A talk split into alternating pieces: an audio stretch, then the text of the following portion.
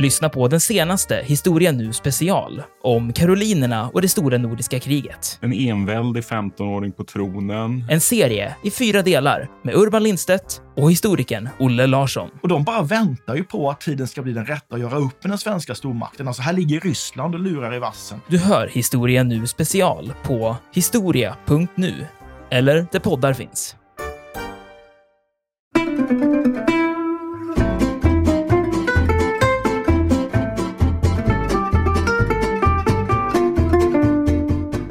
Få några rejäla råsopar, käftsmällar av livet. Som 30 år gammal, då hamnar då den här Margareta Zelle i Paris i slutet av den här äh, La Belle Époque som är väl den, den andra franska guldåldern kan man säga efter eh, Louis XIVs kansekel. Och det är nu som hon då skapar sig en ny identitet och ett helt nytt liv som den här Matahari.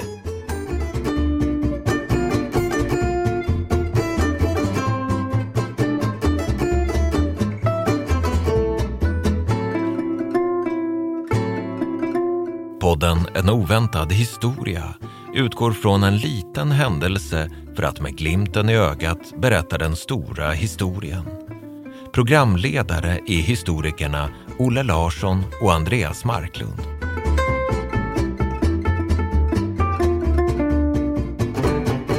Hallå där Olle! Hallå Andreas! Hur står det till en vacker kväll som denna? Det är alldeles utmärkt faktiskt tycker jag. Det är skönt att höra. Det kommer att bli ännu bättre, Olle. Ja, men det tror jag. För, för vi, vi, ska få, vi ska få återvända till ett av våra favoritämnen idag. Nämligen det här med spioner och spionmysterier. Och till råga på allt så kommer det till och med vara ett spionmysterium då från första världskriget som vi ska sätta tänderna i. Alltså vi pratar om, du, du vet, Zimmermann-telegrammets, Room 40s, de kameraförsedda brevduvespionernas tid och naturligtvis också det osynliga bläckets guldålder. Vad säger du om det, Olle? Ja, det känns ju lite som att vi varit där förut, men det är toppen. Ja, exakt. Men det, kan inte, det, där trivs ju. Det är liksom vårt paradis. Spionälskarnas paradis. det är vårt grann. habitat, som det heter. Ja, onekligen. Vårt Ja. naturliga habitat. Ja. Men du, från detta naturliga habitat, kan du då med hjälp av din eh, skarpa näbb dra fram en egen då, spionhistoria? Från Ja. första världskriget. Och från första världskriget, äh, spionhistoria, spionhistoria, men jag skulle nog, alltså jag är så oerhört fascinerad av Lenin och hans, när han återvände till Ryssland i april 1917. Den här fantastiska tågresan från Schweiz genom fiendeland, genom tyskt territorium, genom Sverige, genom Finland, för att slutligen komma till Petrograd och dra igång den här revolutionen. Och det här sker ju med hjälp av den tyska underrättelsetjänsten, så jag tycker nog att på sätt och vis är det här en spionhistoria. Men jag tycker den är oerhört fantastisk. Ja, kan man kalla det för någon slags eh, psyop? Eller Ja, något det sånt är det alla Det är ju en spionhistoria som blir, det blir ju världshistoria av det. Onekligen. Det vet jag inte man kan säga om eh, dagens spionmysterium på samma sätt. Men det är i alla fall ett, ett ovanligt, om man så får säga, mystifierande spionmysterium. För ju mer jag tänker på det här vi ska prata om idag, desto osäkrare blir jag på vad det faktiskt handlar om. Och det har då till saken, jag ska snart nämna, bli mer konkret då, men det har ju till saken då att det finns väldigt många motstridiga tolkningar och väldigt starka åsikter om det här vi ska prata om idag. Inte minst då på grund av att dagens spionberättelse då kretsar kring någonting som är så fascinerande som en färgstark, extravagant eh, och väldigt karismatisk superkändis som dessutom då extra knäckte som spion. Men just precis på grund av allt det här, alltså alla de här oklarheterna och de här olikartade tolkningarna och de här starka åsikterna, så tänkte jag att vi börjar in medias res med några väldigt hårda fakta, som också är väldigt grymma fakta. Jag tänkte mig helt enkelt att vi, att vi börjar med slutet, helt enkelt. Alltså vi börjar med det bistra slutet på det väldigt dramatiska människoliv som är själva hjärtpunkten av det här spionmysteriet. Det är den 15 oktober 1917. Det är tidigt i gryningen. Vi ser en eh, bepansrad militärbil av eh, äldre modell som kör igenom ett sovande Paris. Och i bilen så sitter det ett mindre sällskap bestående av bland andra en armékapten, en präst, några nunnor och en advokat i mörk kostym. Plus en lång, elegant och mörkhårig kvinna som är insvept i en svart sammetskappa som har pälsbräm.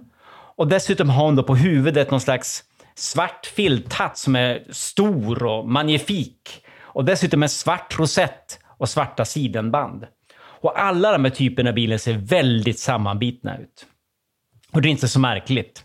Eh, för vi ser att de kör till en militärförläggning som ligger strax utanför Paris, vid den här gamla franska kungaborgen, eller kungaslottet Vincennes, eller Vincennes eh, på svenska. Här ser vi 12 franska elitsoldater, sådana här soaver, soldater ur kolonialtrupperna som åtminstone i början av första, första världskriget hade väldigt färgstarka uniformer med stora, vida röda byxor. De står uppställda på rad med gevär vid fot och väntar på den här bilen. Bakom dem kan vi se en underofficer med dragen sabel. Den här bilen den stannar i alla fall och alla kliver ut. Sist av allt kvinnan i hatten. Utan krusiduller så beger de sig till en upptrampad plats eh, som ligger framför en cirka tre meter hög jordvall. Och här ställer sig kvinnan i hatten samtidigt som hon pratar då lågmält och lugnt, till synes oberört då, med, med den här prästen som alltså följt med henne hela vägen från Paris. Samtidigt kan vi se en fransk officer som kommer fram då med ett vitt tygstycke som han faktiskt räcker fram till nunnorna samtidigt som han då viskar att eh, “Jag har med mig den här som bindel för ögonen”. Men då frågar kvinnan som hör det här, hon frågar sin advokat “Behöver jag verkligen det här?” Varpå advokaten vänder sig då med myndig blick mot officeren som svarar att om madame inte önskar detta så betyder det ingenting. Och så går han därifrån. Så kvinnan i hatten, hon är alltså inte bunden. Och hon har heller inte bindel för ögonen. Utan då enligt ett, ett ögonvittne som befinner sig på den här platsen för att rapportera om den här tilldragelsen, så står hon där på platsen alldeles lugn och värdig och ser sina banemän i ögonen med en fast blick medan prästen, nunnorna och sist av alla då den här advokaten då kliver åt sidan en efter en. Så har man ett kort och skarpt kommandoord på franska de här tolv soldaterna de lyfter sina gevär och intar skytteställning. Underofficeren han placerar sig snett framför exekutionspatrullen, alltså utanför skottlinjen då, men ändå fullt synlig för soldaterna. Han höjer sin sabel rakt upp mot luften. Sen sänker han den då i ett puff, i ett distinkt lufthugg. Och nu citerar jag det här ögonvittnet som är den brittiska journalisten Henry Wales. Han skriver så här om, om det som nu händer. Solen som nu äntligen hade stigit upp fick den välpolerade klingan att blänka medan den skar en perfekt båge genom luften. I samma ögonblick hörde man ljudet av skottsalvan. Eldsflammor och små moln av grå rök bolmade upp från varje gevärsmynning. Automatiskt sänkte männen sina vapen. Slutcitat. Och här tänker jag mig att det är ganska lämpligt att sätta punkt av respekt för den här kvinnan i hatten. För hon dog ju där, på just den här jordfläcken, på just den här dagen. Det är åtminstone jag ganska övertygad om. Även om då redan, redan samma dag, då nyheten om det här, då Henry James reportage om den här avrättningen kablades ut över världen. Redan då började det spridas rykten om att den här kvinnan hade lyckats överleva sin egen avrättning genom att då enligt någon version charma exekutionspatruller med slängkyssar och blinkningar och sådana saker. Så är det ju med legender. De får ju ofta en status som odödliga. Och här har vi alltså att göra med en av de mest legendariska spionerna genom tiderna, nämligen Många säkert förstått det redan. Matahari, dansösen, partylejonet och megastjärnan. Som i november 1917 alltså avrättades av, eh, av fransmännen, av fransk militär. Dömd till döden för spioneri och för att ha ungefär 50 000 franska människoliv på sitt samvete.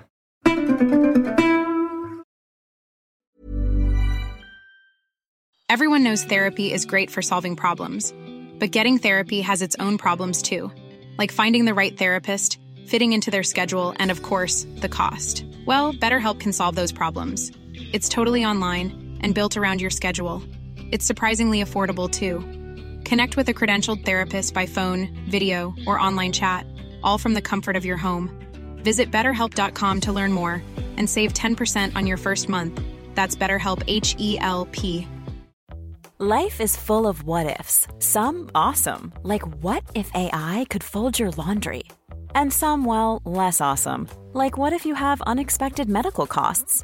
United Healthcare can help get you covered with Health Protector Guard fixed indemnity insurance plans. They supplement your primary plan to help you manage out of pocket costs. No deductibles, no enrollment periods, and especially no more what ifs. Visit uh1.com to find the Health Protector Guard plan for you. Burrow is a furniture company known for timeless design and thoughtful construction and free shipping, and that extends to their outdoor collection. Their outdoor furniture is built to withstand the elements, featuring rust-proof stainless steel hardware, weather-ready teak, and quick-dry foam cushions. For Memorial Day, get 15% off your Burrow purchase at burrow.com slash ACAST and up to 25% off outdoor. That's up to 25% off outdoor furniture at burrow.com slash ACAST.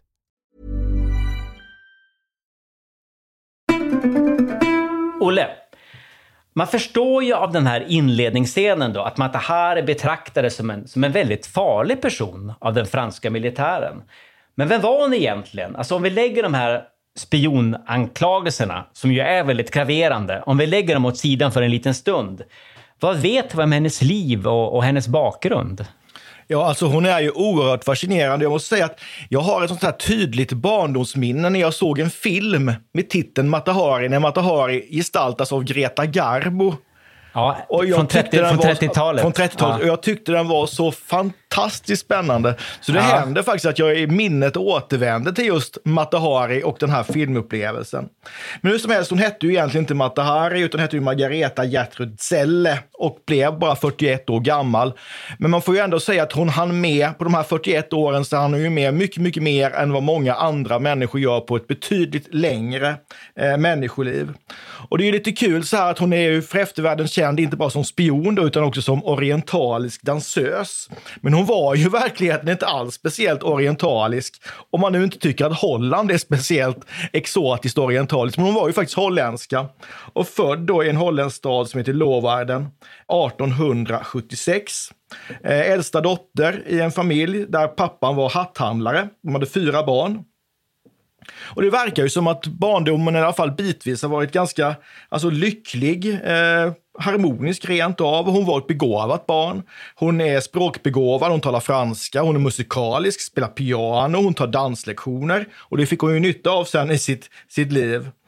Men när hon är 12 år så går ju familjen in i någon form av, av kris, får man säga. Alltså, pappans hattföretag går i konkurs, föräldrarna skiljer sig. Eh, pappan var, verkar ju inte ha varit, även om hon hade ganska nära relation, ganska nära relation till sin far, så verkar det här inte ha varit en, en genomsympatisk man, utan han försvinner ju faktiskt helt, nästan på helt och hållet ur hennes liv under de här tidiga tonåren. Och det är upp till mamman då att ta hand om de där barnen inledningsvis. Men det bär sig ju inte bättre då att mamman också dör och hon dör ju tuberkulos. Och eh, då flyttar, eh, jag kallar henne för Matahari för enkelhetens skull, eller Margareta, okay. flyttar ja, ju in ja. då till släktingar och börjar plugga. Hon blir förskollärare. Men någonting händer här. Vi vet väl inte, inte riktigt, men hon, hon får ju faktiskt rellen, blir alltså religerad från det här förskoleseminariet. Och rykten säger då att det ska ha varit en kärlekshistoria, alltså en, en förbjuden romans inblandad här. Och att det eventuellt ska ha varit med skolans rektor, men det vet vi inte riktigt. Men det är en fascinerande historia, onekligen. Verkligen, och det är någonting som nämns i väldigt många Matahari-biografier. Men alltså det är sant, alltså det, och här är hon ganska ung. Alltså vad är hon? Hon är 14 år tror jag när hon flyttar in hos de här släktingarna. Och hon är, vad kan hon vara, 15, 16? 15, 16, någonstans där i mellersta ja. tonåren.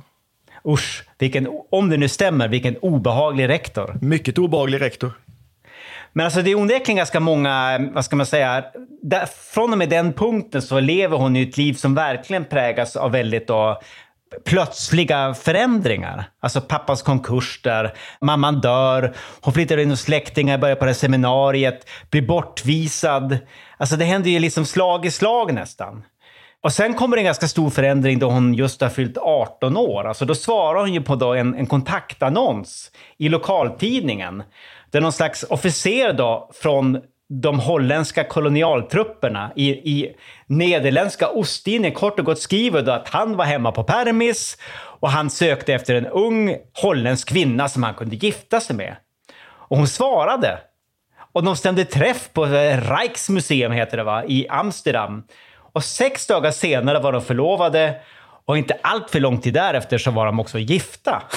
Och då tror jag, då tror jag Margareta var 19 år eller sånt där. Alltså när de, när de då ingick då det här äktenskapet. Och det är ju rätt häftigt faktiskt då att man just dejtar på Riksmuseum. Det tycker jag, det tyder ju ändå på en viss eh, finess. Ja, precis. Att hon, är, hon var, hon var en, en, en dam med smak, en kultiverad, belevad person. Det är absolut, som kom från ett, som sagt, ett, eh, ett ganska fint borgerligt hem dessutom. Eh, hon kunde, hon kunde föra sig. Ja, visst, hon visste vad man gjorde. Hon som sagt var hon är 19 år nu när hon gifter sig och, och mannen då som den här krigsveteranen McLeod är ju mycket, mycket äldre. Han är 20 år äldre. Han har, han har fyllt 39 år. Rudolf, och, eh, Rudolf McLeod. Rudolf McLeod heter han, ja. Inte och, skotte, men holländare. Nej, det men låter skotska, lite skotskt, ja. men han har ju skotskt påbrå förmodligen då, ja. Det tror jag. Och när hans permission är över så tar han med sig sin nya fru och flyttar till Nederländska Ostindien och det är det vi idag kallar för Indonesien. Och de får barn, två stycken. Och eh, hon är väldigt, den här Margareta, eller Matahari, är ju, eh, hon är socialt begåvad som bara den och gör ju liksom succé bland de här, eh, i de här kolonialkretsarna då i Indonesien. Alltså hon är mycket, mycket liksom populär, hon är socialt begåvad och hon ser ju faktiskt väldigt, väldigt bra ut. Men det finns ju en skugga här hela tiden och det är ju det att äktenskapet är inte speciellt lyckligt. Den här Roland McLeod visas ju vara en fullblodsalkis och super ordentligt och dessutom då så blir han mycket våldsam när han dricker. Och vi kan ju tänka oss att han slår henne. Och det finns ju eh, vittnen som berättar då att han behandlat henne illa, alltså även inför andra då. Ja, precis. Nej, usch, han är en fylltratt och en hustrumisshandlare. Och så kommer då den här stora katastrofen då. De har ju eh, två stycken barn och de drabbas av någon konstig febersjukdom här i slutet på 1800-talet, det är 1899. Och eh, en av dem blir frisk, dock inte den andra som sonen då, Norman, dör. Eh, och föräldrarna sörjer detta naturligtvis. Eh, och det börjar då gå rykten om att kanske de har blivit förgiftade. Kanske någon av, av tjänstefolket har varit framme, någon som är missnöjd med att de behandlas illa. Kanske då av den här McLeod som på fyllan har blivit elak eller någonting sånt. Men det troligaste kanske, det är också ganska hemskt får man ju säga, det är att barnet har dött av eh, syfilismedicin. Alltså, det innehöll ju rejält med kvicksilver. Man trodde ju att kvicksilver var någon slags universalmedel vad det gällde att bota syfilis. Och det här åt ju, eller tog ju hela familjen av. Jag tror att det är någonting man äter. Jag tror inte man injicerar utan det är liksom någon slags oral medicin. Och det beror ju på att eh, mannen här har ju naturligtvis haft syfilis på grund av sitt ganska hårda leverne. Fört över den här syfilisen till sin hustru som i sin tur har fått över det här till barnen. Och det är ju oerhört, oerhört tragiskt. Extremt tragiskt. Så det är då en, en förkrossad familj och decimerad familj då, som bara några år senare flyttar tillbaka till Holland. Jag tror det är 1902. Och då går ju äktenskapet ganska snabbt i upplösning. Och eh, det blir en ganska bitter, eller en väldigt bitter och väldigt traumatisk skilsmässa. Och eftersom mannen då är erkänt, alltså han är brutal och han är, han är försupen, så får ju då Margareta, Matahari som man också kan kalla henne för, eh, hon får ju då ensam vårdnad då om, om barnet, om dottern. Det är dottern som överlever. Jag tror hon heter Louise Jean eller något sånt. Hon får vårdnaden, men hon har ingen försörjning. Eh, hon är ju dessutom frånskild singelkvinna, vilket gör att hennes chanser att liksom få ett, ett, ett, bra jobb som kan försörja både henne och, och dottern, de är, betyd, de är, de är, liksom, de är försvinnande små. Så det slutar med att eh, dottern faktiskt hamnar, hamnar hos den här McLeod, Rudolf McLeod, trots att han har så himla dåligt rykte. För att det, det är bara han som har liksom de ekonomiska förutsättningarna att ta hand om henne. Margareta däremot, hon hamnar ju på gatan, bokstavligt talat. Alltså hon tvingas prostituera sig då för att förtjäna sitt uppehälle. Och eh, eftersom hon då kommer från en ganska fin familj så uppfattas det här som en, en, en svår skamfläck på familjens baner. Så hon förskjuts av familjen. Och ger till sist i alla fall tillfället upp hoppet om att någonsin liksom återfå då dottern. Så 1904 så tar hon sitt pick och pack och flyttar till Paris. Hon får några rejäla råsopar, käftsmällar av livet. Som 30 år gammal, då hamnar då den här Margareta Zelle i Paris i slutet av den här äh, La Belle Époque, som är väl den, den andra franska guldåldern kan man säga, efter eh, Louis XIVs Grand Secle. Och det är nu som hon då skapar sig en ny identitet och ett helt nytt liv som den här Matahari. Olle, du har ju varit otålig här. Du vill kalla henne för Matahari redan för några decennier sedan, höll jag på att säga. Hur, hur gick det här till? Alltså, vad, vad, det här namnet, vad tog hon det ifrån och, och, och varför? Och vad betydde det? Ja, men det är ju någonting med namnet Matahari. Det var kanske därför jag var så lite, lite ivrig här. Men Matahari ligger så, så rätt i munnen på något sätt. Men det här blir ju hennes nya alias när hon ska skapa sitt nya liv i Paris. Och eh, Matahari är ju från början det är ju ett malaysiskt eh, namn. Och det, det, är ju, alltså, det är ju solen eller ordagrant tror jag Matahari betyder dagens öga eller någonting sånt där. Och det här börjar hon då använda 1905 samtidigt som hon liksom, eh, ja, börjar göra en karriär som dansös. Och eh, hon, hon har ju dansat lite grann då i barndomen, men det här är ju inte, de här barndomsdanserna är ju långt, långt, långt, långt ifrån de här danserna som hon börjar framföra inför publik då i Paris. Utan här har hon ju liksom, hon improviserar ju fram någon egen dansstil. Förmodligen så är den inspirerad av sånt som hon har sett då i, i, i, i Asien under sin tid i Indonesien. Hon har sett det på marknader, hon har sett det på fester, hon har sett det i tempel. Och det här blir någon slags härlig, eh, liksom unik stil som hon skapar själv. Men hon kallar sig ju oftast för tempeldanserska från Indien och liksom, eller, eller Orienten väldigt, väldigt, i väldigt bred bemärkelse. Och det var ju sånt som fascinerade europeer på den tiden, så innan man är van att resa så mycket. Det här var ju otroligt exotiskt och fantastiskt. Och kan man ju tänka då att det blev ännu mer fantastiskt, inte minst för en manlig publik, med tanke på att hon inte hade så där vansinnigt mycket kläder på sig när hon eh, uppträdde. Alltså det var lite slöjor, lite strategiskt placerade metallplattor och smycken och sådär. Men alltså väldigt naket, väldigt eh, sensuellt, exotiskt och kanske rent av mystiskt. Och folk var jätteförtjusta. Det blev ju en gigantisk succé det här. Ja, men det är helt klart en slags vuxendans, kan man väl säga. Det skulle man kunna säga, ja. ja. Det är ingen Bolibompa, ja, inte. Nej, de, definitivt inte. Det är inte Bolibompa-draken som, som röjer runt här på dansgolvet. Äh, men alltså det, är, det är mycket hud och eh, väldigt lite kläder.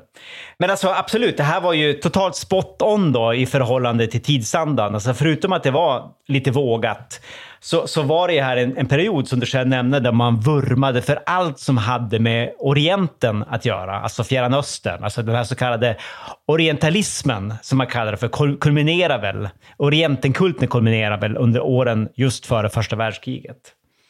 Och hon gjorde väl succé, som du var inne på. Alltså hon, hon började turnera med den här äh, väldigt exotiska dansshowen mellan olika europeiska nöjesmetropoler, alltså huvudstäderna. Alltså det, är, det är Paris och det är London och det är Madrid, men åker även till ställen som ja, Milano och så vidare. På ställen där, liksom där folk festar och umgås och dricker champagne och så vidare. Ja, för det här är ju inga danser som sker i små diskreta källarhål och sådär som man kanske då skulle kunna tänka sig. Utan Nej. Det här, hon uppträdde ju på La Scala till exempel.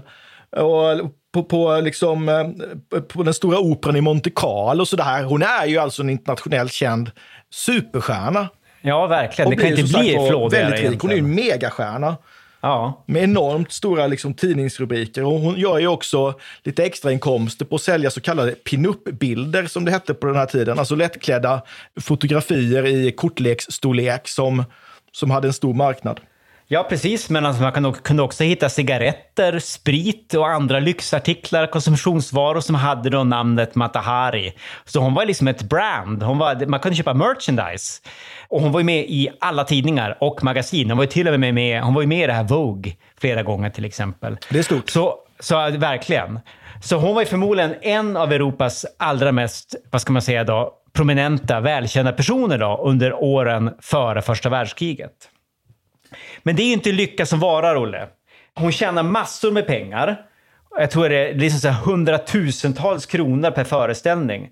Så hon blir stormrik, men hon, hon bränner ju pengarna nästan lika snabbt igen. Alltså på grund av den här ganska överdådiga livsstilen som hon anammar. Som var, vad ska man säga, hotellsvitsbaserad, kanske ett, ett passande uttryck. Men det är ju en livsstil som, som då dessutom baseras då på ett ständigt resande, ett ständigt kringflackande med mängder av koffertar och grejer mellan då Europas stora nöjesmetropoler. Och det blir omöjligt förstås då första världskriget bryter ut sommaren 1914.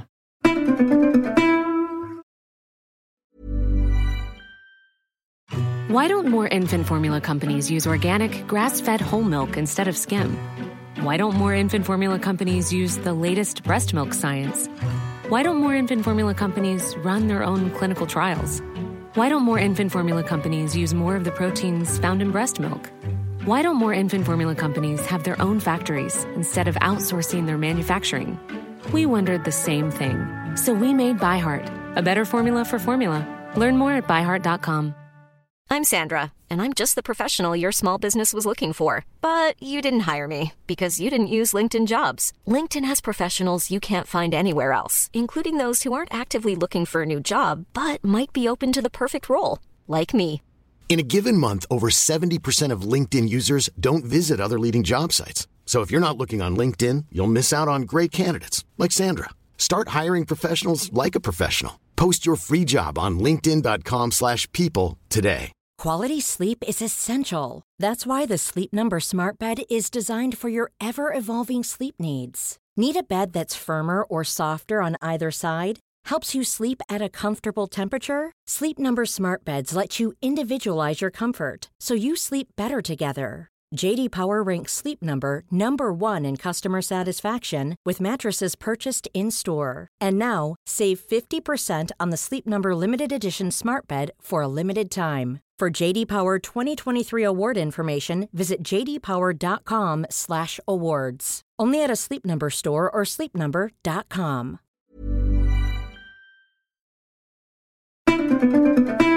Vid krigsutbrottet så befinner sig Mata Hari i Berlin där hon förbereder en ny show som enligt planen skulle ha kört i sex månader på ja, ett flådigt ställe i Berlin som du säkert känner till, Olle. Du är ju en Berlinkännare. Jag har varit där några gånger, ja. Precis. Det var, det, det, var någon slags, jag tror det var ett nytt take. Hon skulle ge sig in i sig, op, operettbranschen på något sätt. Heller. Alltså, hon, hon började vara där kring 40-strecket här och skulle kanske komma lite vidare från eh, den här lättklädda dansen till något annat. Men det gick inte så bra. Allt det här ställdes ju in förstås på grund av kriget och istället så får de Atahari alla sina tillgångar konfiskerade och bankkontot blir spärrat då av de tyska myndigheterna eftersom hon, hon stämplades som så kallad suspekt utlänning på grund av sina väldigt starka kopplingar till Frankrike. Alltså som jag har förstått saker så var hon fortfarande holländsk medborgare. Men alltså jag förmodar att hon hade ganska många franska stämplar då i sina resehandlingar. Plus att hon naturligtvis då genom sitt kändisskap förknippades väldigt starkt med Frankrike och Paris. Så hon flyttade faktiskt tillbaka då till, till sitt gamla Holland, som då var neutralt. Och det var ju här som Matahari på något sätt inledde då sin famösa spionkarriär. Och exakt hur det gick till, det är faktiskt ganska oklart. Så är det ju ofta i, i spionernas värld. Alltså det, är, det är många skuggor och väldigt få svar. Det finns väldigt mycket spekulationer och hypoteser om det här. Bland annat så har det hävdats att Mataharis första möte med spionbranschen var via den holländska underrättelsetjänsten. Och att hon kanske, trots allt som senare hände, i grund och botten var holländsk underrättelseagent på något sätt. Alltså jag vet inte. Men något som verkar vara relativt säkert är att hon i alla fall hon värvas som tysk spion av den tyska militärattachén i Holland som hette Karl Krämer. Förmodligen någon gång under hösten 1915, men också vad gäller detta så finns det lite olika uppgifter. Han ska i alla fall ha erbjudit Matahari 20 000 franska franc för att börja, sp börja spionera då på fransmännen för den tyska kejsarens räkning. Och det var, ett, det var ett väldigt högt belopp på den tiden. Jag tror det är ungefär en halv miljon svenska kronor i dagens penningvärde. Och eftersom att Ahari hade fått ganska stora ekonomiska problem på grund av kriget så accepterade hon det här spionuppdraget. Det har hon senare också erkänt. Eh, och som tysk spion så fick hon då ett kodnamn, H21. Och som jag förstått saken så fick hon också ett slags grundläggande spionutbildning i Köln hos den tyska militära under, underrättelsetjänsten. Hon fick lära sig använda osynligt bläck till exempel och eh, olika typer av kryptering. Men själva uppdraget tycks då i första hand ha handlat om att inhämta hemlig information om den franska krigsmakten då via då hennes personliga nätverk. Så i detta syfte så begav hon sig till Paris under hösten 1915 och, och samma år så skickade hon en rapport till då sin kontaktperson hos den tyska underrättelsetjänsten i, i den franska avdelningen. Där hon då bland annat berättade att fransmännen då, just precis där och då, sent 1915, inte planerade någon större militär offensiv på västfronten. Och det här var då uppgifter som den tyska general, generalstaben då med general Falkenhayn i spetsen kunde använda då i sina förberedelser inför offensiven i Verdun 1916, har det i alla fall hävdats av vissa historiker. Det här var i alla fall information som Atahari förmodligen hade fått tillgång till via det här personliga nätverket i Paris med omnejd som ju var väldigt extensivt och gick väldigt högt upp som jag har förstått det. Alltså hon hade ju då väldigt många manliga beundrare, denna Matahari. Och hon hade tydligen också ganska många älskare eller vad man ska kalla det för, personer som hon hade eller hade haft intima relationer med inom både det militära och politiska etablissemanget i Frankrike. Politiker, högofficerare. Jag har sett att man, man har bland annat nämnt att Frankrikes tidigare krigsminister ska då ha varit någon slags älskare till henne, till exempel. Så hon levde ju onekligen ett ganska extravagant liv, får man säga.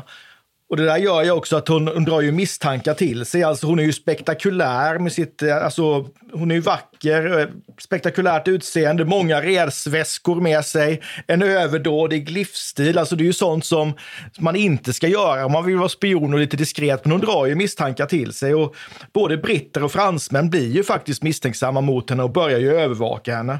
Britterna undrar ju så varför i herrans namn är hon så ofta i Storbritannien? Hon verkar ju mellanlanda i Storbritannien på vägen mellan Frankrike och sitt hemland Holland. Då. Och fransmännen får ju ögonen på henne via då MI6 som säger att äh, den här Amatahari alltså, det är, det är en otroligt skum figur. Så den borde ni nog hålla, hålla ögonen på faktiskt. Det kan mycket väl vara så att hon är en tysk spion. Ja, precis. Och då söks hon ju upp efter det av då den här chefen. Jag tror, det, han, jag tror det är chefen för det franska kontraspionaget.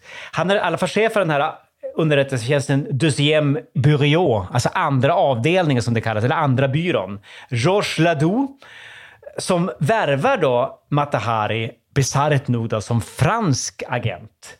Mot då ett löfte om eh, väldigt generösa kontanta utbetalningar. Det var, liksom, det var ju det språk som Matahari förstod. Och, och det är ett faktum det här. Alltså, hon värvas av den franska underrättelsetjänsten. Det kan konstateras och bekräftas empiriskt. Men det finns väldigt olika uppfattningar om vilka motiv den franska underrättelsetjänsten hade. Framförallt den här Georges Ladoux, chefen. Vad, vad ville han med det här? Vissa menar att han verkligen ville använda Matahari som ett slags dubbelagent. Kanske för att få henne att locka fram information om, eller ur, den tyska kronprinsen. Den här vad heter han? Jag tror han, han heter Wilhelm han också. Alltså Kejsar Willems son som var ganska oduglig. Alltså en playboy-typ som, som, playboy som var känd för att vara väldigt, väldigt svag för vackra kvinnor. Och att, att det var liksom han som var den primära måltavlan då för Ladous operation, eller planerade operation med Matahari då som vapen, som en slags honungsfälla. Andra menar då att den franska underrättelsetjänsten egentligen bara hade organiserat en väldigt avancerad fälla man visste att Matahari arbetade för tyskarna och ville helt enkelt sätta dit henne på ett elegant, lömskt sätt. Men nu närmar vi oss ännu en gång det här bittra slutet, Olle, som vi erinrar oss då från början av det här poddavsnittet, den här eh, tidiga morgonen inför exekutionspatrullen. Men först måste vi då reda ut hur det gick till när Matahari avslöjades och till sist då fångades in av det franska kontraspionaget. Har du hunnit fundera på det, Olle? Ja, alltså, hela den här historien är ju otroligt rörig och det finns en massa motsägelser och det finns en massa konstigheter i källmaterialet. Men ska man se vad, vad man kan börja se liksom konturen av så verkar det som att vi vet ju att Matahari i alla fall, hon reser till Spanien under hösten 1916. Och här kommer hon i kontakt med en tysk militär, en major som heter Arnold Kalle. Och eh, jag tänkte säga som vanligt, men hon inleder ju en relation med den här officeren också då. Och det är möjligt att hon gör det här för att komma åt eh, liksom, information om, om, eh, ja, om, om, om, eh, om, om tyskarna eller någonting. Hon är ute efter någonting i alla fall. Men hon har ju också haft svårt att hålla tätt här så att säga. Så hon, hon avslöjar ju sitt kodnamn för den här Kalle. Eh, hon berättar för honom om eh, förhållanden i Frankrike. Själv så säger hon sen då efter det att hon har blivit arresterad att det här var falsk information, alltså, eller i alla fall information som inte betydde någonting överhuvudtaget. Det är ju rätt vanligt att spioner lämnar ifrån sig information som är sann, men som samtidigt också är oväsentlig. Så det ska alltså vara det hon har gjort. Det säger hon i alla fall i förhören då med franska underrättelsetjänsten. Hon verkar också ha fått fram en del information ur den här Kalle. Hon skriver en hel del, en brev alltså, om eh, tyska militära planer och militära förhållanden från Madrid till den här franska underrättelsetjänsten. Och det här är ju rätt roligt. Hon skriver det här både med vanligt bläck och med osynligt bläck på sant sp spionmaner. Precis. Och använder sig av det reguljära spanska postväsendet. Vilket eh, nämns i, i, av vissa historiker som en... Eh, det, det, kan ha varit en slags akilleshäl i det här. Alltså att hon, de brev hon skickade kan ha uppsnappats av tyska agenter. För sen händer det ju någonting. Det här läcker ju. Det, det, det, det sker någon form av läcka. Och eh, vissa menar att det faktiskt var då på något sätt den här Kalle och, och tyskarna i största allmänhet då, som på något sätt började fatta misstankar om att Matahari var någon slags dubbelagent eller någonting sånt. De var trötta på henne bara. Och skickar då ett... Att Kalle skickar då, ska skicka ett telegram från Madrid till Berlin som var krypterat då i en kod som då redan var knäckt av fransmännen, där han bland mycket annat då identifierade Matahari som H21, en tysk agent, tysk spion. Och enligt vissa tolkningar då var det här ett medvetet drag. Alltså Kalle eller hans uppdragsgivare visste att den här koden var knäckt, komprometterad. Och man planterade den informationen helt enkelt hos fransmännen för att göra sig av med Matahari. Men oavsett vad så, så grips ju Matahari av fransk polis, eller hur? Alltså ganska hårt och brutalt där i början av februari 1917. Ja, man, man tar ju henne och eh, man söker igenom hennes hotellrum och där hittar man ju bevis för att allt inte står rätt till. Man hittar ju bland annat då en flaska med osynligt bläck. En klassiker. Eh, ja, precis. Och det här används ju då i bevisning, som bevisning i samband med, med rättegången sen på sommaren. Och man går ju mycket hårt åt henne, alltså hon är ju svårt hatad. Alltså det här är 1917, kriget har gått, pågått i tre år, krigströttheten är monumental. Vi har det stora slaget vid Somme, vi har det stora, slaget vid Verdun. En förrädare är inte speciellt väl sedd, inte någonstans och i det här fallet då inte i Frankrike. Och det går ju dåligt för fransmännen i kriget också, det här bidrar ju till det här enorma hatet mot henne.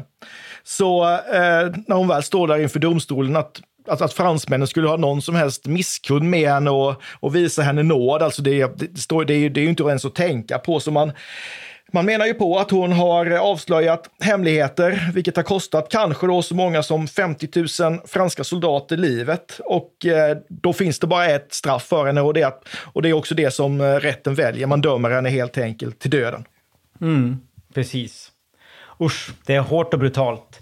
Men du, hon får ju då ett ganska rikt efterliv. Alltså han möter sitt öde där i form av en fransk exekutionspatrull den 15 oktober 1917 på det här ödsliga fältet strax utanför Paris. Men alltså bara, vad är det, 1920 redan tror jag den första filmen om att det här kommer.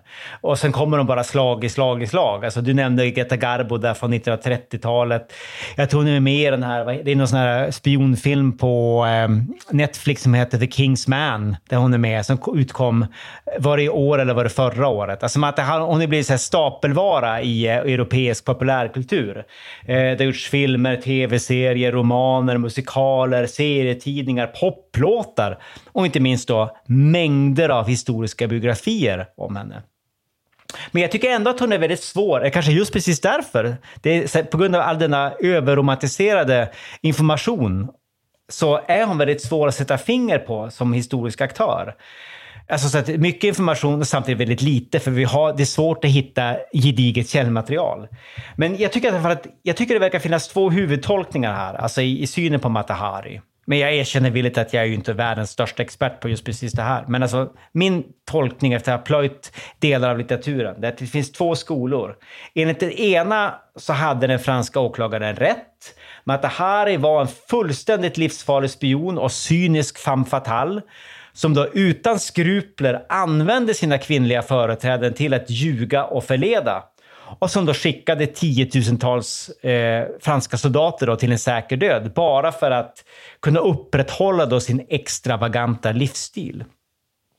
Den andra huvudtolkningen är att Matahara inte riktigt visste vad hon gjorde att hon var naiv och ekonomiskt desperat och lät sig lockas med i ett politiskt spel som hon varken förstod eller behärskade. Till skillnad då från magdans och mingel. Och att, ja, hon, hon kanske till och med var, var någon slags syndabock. Du var ju lite grann inne på det där. Alltså att det gick ju faktiskt väldigt dåligt för Frankrike där eh, 1916-1917. Och så här hittade man då någon man kunde eh, tvätta av skulden på, så att säga. Jag, jag vet inte, det är möjligt att jag renodlar lite grann här, eh, for the sake of the argument. Men det är ganska starka åsikter i skriverierna om att det här är nyanserna är få. Och jag är väl inte riktigt säker på någon av de här tolkningarna. Jag lägger mig gärna någonstans i mitten som sagt. Alltså jag, jag, ty jag tycker att det mesta tyder på att Matahari definitivt visste vad hon gjorde. Att hon definitivt var en spion också. Alltså hon var både viljestark och uppfinningsrik, både som dansös och spion. Men då framförallt som någon slags, ska man, kan man kalla henne för en överlevnadskonstnär helt enkelt? Vad säger du, Olle? Nej, Vad är din bild av Matahari? Det är som du säger, man är så, det är som att det ligger ett slags populärkulturellt filter mellan oss som historiker och verklighetens Matahari som är svårt att tränga igenom. Det är lätt att fascineras av den här tjusiga bilden, den fantastiska, charmiga kvinnan, den vackra kvinnan, den, den, den, den, den begåvade kvinnan, den skickliga spionen. Men jag, jag tänker lite grann, om man tittar lite grann på hennes bakgrund, alltså hon är ju egentligen en, en klassisk eh, spion i, ter, alltså i termer av sin bakgrund, alltså det här med ekonomiska svårigheter. Det är ju liksom, när en underrättelsetjänst värvar spioner så är intressanta människor med ekonomiska svårigheter, det är prio ett. Därför att de är lätta att komma åt. Hon har, hon har ekonomiska svårigheter. Det är klart att hon nappar på det. Hon får ju också ganska bra betalt. Eh, jag kan tänka mig också då med tanke på hennes liv, den här flärden, det är pengarna som lockar, alltså leva det här jetset-livet. Jag tror att det finns ett ganska stort mått av äventyrlighet också hos henne. Det är i alla fall någonting som slår mig om man tittar på de yttre konturerna av hennes liv. Eh, ja, det, det, är svårt att säga, men jag... Ja, och kanske också det man idag kallar för en narcissistisk personlighetsstörning. Ja, men det som också slår mig det är ju det här dramatiska slutet. Alltså att hur man kan vara så, så oerhört lugn och till synes oberörd inför sin stundande härdanfärd. Det tycker jag är... Ja, det är fascinerande. Det gör henne faktiskt ganska gåtfull i mina ögon. Väldigt gåtfull, men samtidigt som man också uppfyller vissa grund, vad ska man säga, kriterier då i eh, spion, spionpersonlighetens formulär 1A, som du också var inne på. De eh, ekonomiska svårigheterna och äventyrslustan. Ja. ja, och det där narcissistiska draget ja, kanske. Ja. Så jättespännande, Olle. Jag känner att eh, tiden skrider ifrån oss som vanligt, men eh, vi får återvända till första världskriget en annan gång. Det kommer vi absolut enkelt. göra. Trevligt Andreas. Ha det så bra. Detsamma. Tack för idag. Vi ses. Hej, hej, hej. hej. Vi tackar programledarna Olle Larsson och Andreas Marklund.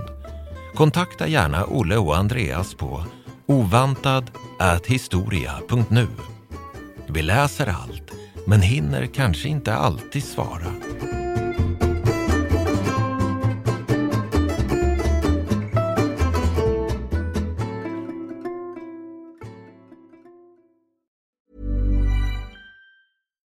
Why don't more infant formula companies use organic, grass fed whole milk instead of skim?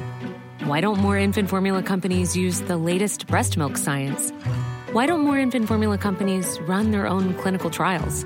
Why don't more infant formula companies use more of the proteins found in breast milk? Why don't more infant formula companies have their own factories instead of outsourcing their manufacturing? We wondered the same thing. So we made ByHeart, a better formula for formula. Learn more at byheart.com. Iran har under 1900-talet genomgått tre omvälvande revolutioner som orienterat landet antingen mot västerlandets modell eller mot en auktoritär styrelseform. Idag pågår en social revolution i landet som vänder sig mot det islamistiska styret och vars anhängare har Europa och väst som förebilder. I en viktig bok ger idéhistorikern Mohammad Faslashemi en djupare förståelse för dagens dramatiska händelseutveckling. Iran mellan tre revolutioner är utgiven av förlaget Historiska Media. Beställ den fysiska boken på förlagets hemsida historiskamedia.se eller köp den i en bokhandel nära dig.